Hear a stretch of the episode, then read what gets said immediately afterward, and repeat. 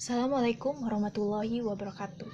Di sini saya Lutfia dengan NIM 19281 kelas B Teknik Kimia akan membahas bagaimanakah konsep kebebasan beragama menurut Undang-Undang Dasar tahun 1945 serta bagaimana pula kaitannya dengan hak asasi manusia.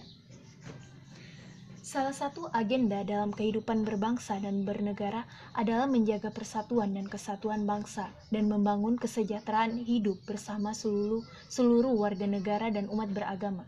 Namun, hambatan yang cukup berat dihadapi untuk mewujudkan ke arah kesejahteraan hidup seluruh warga negara adalah masalah kerukunan nasional, termasuk di dalamnya hubungan antar agama dan kerukunan antar umat beragama yang salah satu persoalannya adalah persoalan yang menyangkut mengenai kebebasan dalam beragama.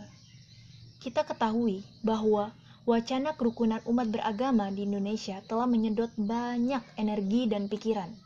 Fenomena disharmoni itu ditandai dengan beberapa benturan sosial yang dimanipulasi menjadi pertentangan antar kelompok umat beragama. Kendatipun pemerintah dan aparat penegak hukum berupaya menutupi kondisi objektif dari pertentangan itu. Namun, indikasi-indikasi yang ditemukan tetap tidak bisa diterjemahkan kecuali menunjukkan adanya disharmonitas di kalangan umat beragama. Sejak ditetapkan undang sejak ditetapkannya Undang-Undang Dasar 1945 pada tanggal 18 Agustus 1945 telah dijamin bahwa segala warga negara bersamaan kedudukannya di dalam hukum dan pemerintahan dan wajib menjunjung hukum dan pemerintahan itu dengan tidak ada kecualinya. Jaminan tersebut dirumuskan dalam pasal 27 ayat 1 Undang-Undang Dasar 1945 yang sampai saat ini tidak dilakukan perubahan oleh Majelis Permusyawaratan Rakyat. Di samping pasal tersebut dirumuskan pula dalam pasal 29 ayat 2 Undang-Undang Dasar 1945 bahwa negara menjamin kemerdekaan tiap-tiap penduduk untuk memeluk agamanya masing-masing dan untuk beribadah menurut agamanya dan kepercayaannya itu. Lebih jelasnya dinyatakan bahwa secara konstitusional ditegaskan dalam rumusan Pancasila pada pembukaan dan pasal 29 Undang-Undang Dasar tahun 1945. Landasan ideal Pancasila pada sila pertama ketuhanan yang Maha Esa. Dalam penjelasan mengandung bah, mengandung makna bahwa kewajiban pemerintah dan para penyelenggara negara dan para penyelenggara negara lain bahwa kewajiban pemerintah dan para penyelenggara negara lainnya untuk memelihara budi pekerti kemanusiaan dan memegang teguh cita-cita moral yang luhur. Untuk memelihara moral yang luhur tersebut, tidak dapat dilepaskan dari usaha untuk membina dan mengembangkan kehidupan beragama bangsa Indonesia. Bahkan, ia merupakan bagian yang tidak terpisahkan dari ajaran agama. Oleh karena itu, persoalan-persoalan yang menyangkut tentang kebebasan beragama merupakan salah satu persoalan yang sangat riskan. Jika salah jika salah-salahnya jika salah-salah dalam penyelesaiannya, yang akibatnya yang akibatnya nanti bisa-bisa menyalahi hak asasi seseorang. Hal ini dikarenakan bahwa konsep kebebasan dalam beragama ini selain dijamin dan dilindungi dalam undang-undang, baik Undang-Undang Dasar tahun 1945 juga dijamin dan dilindungi dalam Undang-Undang Nomor 39 tahun 1999 tentang hak asasi manusia. Dalam pasal 29 Undang-Undang Dasar tahun 1945 ditegaskan bahwa negara berdasarkan atas ketuhanan yang Maha Esa. Negara menjamin kemerdekaan tiap-tiap penduduk untuk memeluk agamanya dan untuk beribadah menurut agamanya dan kepercayaannya itu. Negara tidak hanya menjamin kebebasan memeluk agama, sekaligus negara menjamin, melindungi, membina, mengembangkan, serta memberikan bimbingan dan pengarahan agar kehidupan beragama boleh berkembang, bergairah, ber semarak serasi, bersemarak serasi dengan kebijakan pemerintah dalam membina kehidupan berbangsa dan bernegara berdasarkan Pancasila. Negara tidak mengatur dan ingin mencampuri urusan syariat dan ibadah-ibadah agama yang umumnya terbentuk dalam aliran agama masing-masing menurut keyakinan masing-masing yang dijamin sepenuhnya oleh negara. Dari uraian-uraian yang saya sampaikan tadi, dapat kita simpulkan bahwa konsep kebebasan dalam beragama, jika salah-salah dalam memahaminya, akan menjadi rancu, bahkan akan menjadi pemicu konflik. Oleh karena itu, di sini saya akan membahas bagaimana konsep kebebasan beragama menurut Undang-Undang Dasar tahun 1945 serta bagaimana pula kaitannya dengan hak asasi manusia. Pertama-tama saya akan membahas konsep kebebasan beragama menurut Undang-Undang tahun 1945. Wacana kebebasan beragama sesungguhnya sudah berkembang sejak bangsa ini akan diproklamirkan tahun 1945 silam. Bahkan jauh sebelum itu, melalui Badan Penyelidik Usaha-Usaha Persiapan Kemerdekaan Indonesia atau BPUPKI, wacana ini hangat diperdebatkan, founding father, khususnya dalam perumusan pasal 29 Undang-Undang Dasar 1945. Dengan arti kata, masalah kebebasan beragama memang tidak pernah tuntas diperdebatkan hingga sekarang. Semula rancangan awal pasal 29 dalam UUD 1945 BPU PKI berbunyi, Negara berdasar atas ketuhanan dengan kewajiban menjalankan syariat Islam bagi pemeluk-pemeluknya. Kemudian diubah lewat Keputusan Rapat PPIKI 18 Agustus 1945 menjadi negara berdasar atas ketuhanan yang Maha Esa. Rumusan ini menghilangkan tujuh kata dengan kewajiban menjalankan syariat Islam bagi pemeluk-pemeluknya yang justru dipandang prinsipil bagi kalangan nasionalis Islam. Undang-Undang 1945 dalam sistem hukum di Indonesia dikenal sebagai sumber dari segala sumber hukum yang menjadi turunannya. Adapun tingkatan hukum di Indonesia setelah Undang-Undang Dasar 1945 adalah undang-undang, peraturan pemerintah, peraturan presiden, peraturan pemerintah pengganti undang-undang, dan peraturan daerah.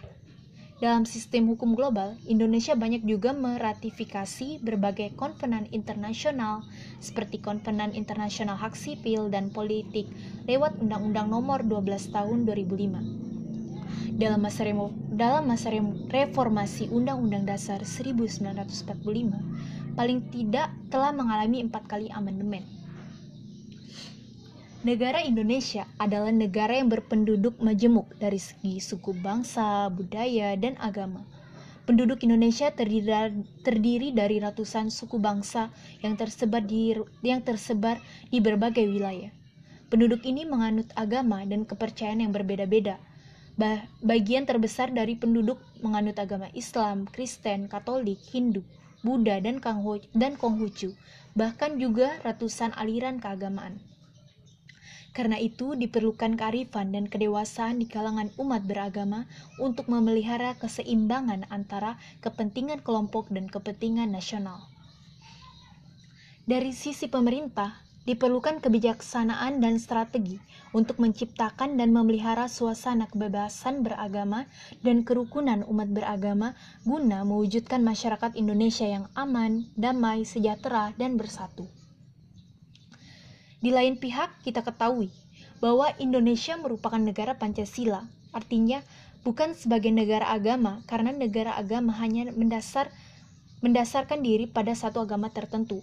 Tetapi negara Pancasila juga tidak dapat dikatakan sebagai negara sekuler, karena negara sekuler sama sekali tidak mau terlibat dalam urusan agama. Menurut Mahmud MD, Negara Pancasila adalah sebuah religious nation states, yakni sebuah negara kebangsaan yang religius yang melindungi dan memfasilitasi berkembangnya semua agama yang dipeluk oleh rakyatnya, tanpa membedakan besarnya jumlah pemeluk masing-masing. Dalam hal ini, ketika kebebasan beragama menurut hak asasi manusia maka menjadi tanggung jawab negara untuk menjadi fasilitator agar dapat dilindungi dan ditegakkan sebagaimana mestinya. Hal ini penting karena kerukunan umat beragama merupakan benih terciptanya harmoni sosial yang penting untuk pelaksanaan pembangunan guna mencapai tujuan negara. Harmoni sosial juga penting untuk menjadi jalan agar hak asasi manusia dapat berjalan sebagaimana mestinya. Yang kedua adalah konsep kebebasan beragama bila dikaitkan dengan hak asasi manusia. Hak-hak asasi manusia adalah menjadi hak-hak konstitusional karena statusnya lebih tinggi dalam hierarki norma hukum biasa, utamanya ditempatkan dalam suatu konstitusi atau undang-undang dasar. Artinya, memperbincangkan kerangka normatif dan konsepsi hak-hak konstitusional sesungguhnya tidaklah jauh berbeda dengan bicara hak asasi manusia. Salah satu permasalahan yang dihadapi bangsa Indonesia di antaranya konflik disintegrasi bangsa, penegakan hukum dan hak asasi manusia. Salah satu hak asasi manusia yang, tada, yang tidak dapat dikurangi dalam keadaan apa pun adalah hak beragama. Bahkan, setiap orang bebas memilih agama dan beribadah menurut agamanya.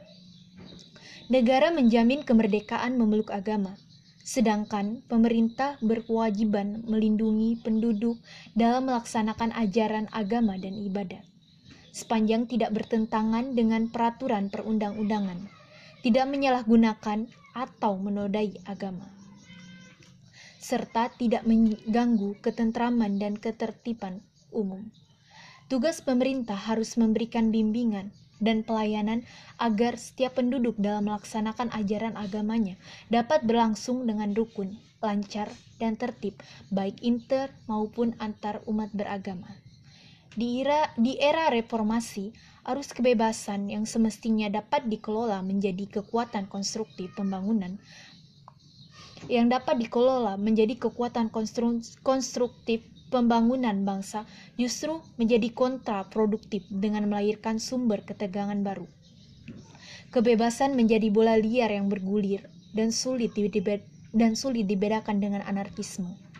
Masyarakat merasa legal untuk melakukan apa saja atas nama kebebas, kebebasan. Tidak sedikit Misalnya kelompok masyarakat yang yang tiba-tiba merasa berwenang memerangi kemaksiatan dengan menggunakan cara-cara kekerasan serta menyerang kelompok agama lain.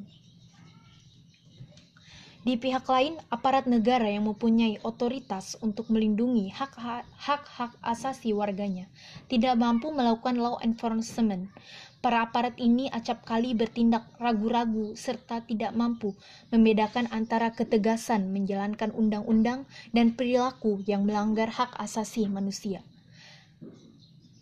Padahal, tanpa ketertiban dan aturan hukum yang jelas, tidak akan ada kebebasan dan hak asasi manusia. Kebebasan memeluk agama juga menjadi bagian hak dasar manusia. Hak dasar inilah yang disebut sebagai hak asasi hak beragama yang dimiliki oleh setiap warga negara Indonesia yang dinyatakan sebagai bagian dari hak asasi sebagaimana diatur dalam pasal dalam pasal 4 dan pasal 22 ayat 1 dan ayat 2 Undang-Undang Nomor 39 Tahun 1999 tentang Hak Asasi Manusia. Sebagaimana sebagai hak yang tidak dapat dikurangi dalam keadaan apa pun dan oleh siapa pun. Karena itu, negara memberikan kebebasan warga negara untuk memeluk agama, akan tetapi tidak dapat menentukan salah satu agama yang dipilihnya. Namun demikian, di dalam negara hukum, istat, yang dapat merampas hak asasi hanyalah peraturan perundang-undangan.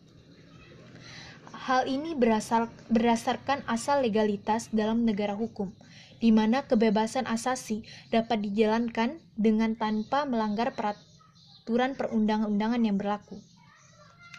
Implementasi kebebasan dalam negara hukum tidak dapat dijalankan sebebas-bebasnya, tetapi tetap berdasarkan atas hukum yang berlaku, termasuk kebebasan memeluk agama dan beribadat menurut agamanya.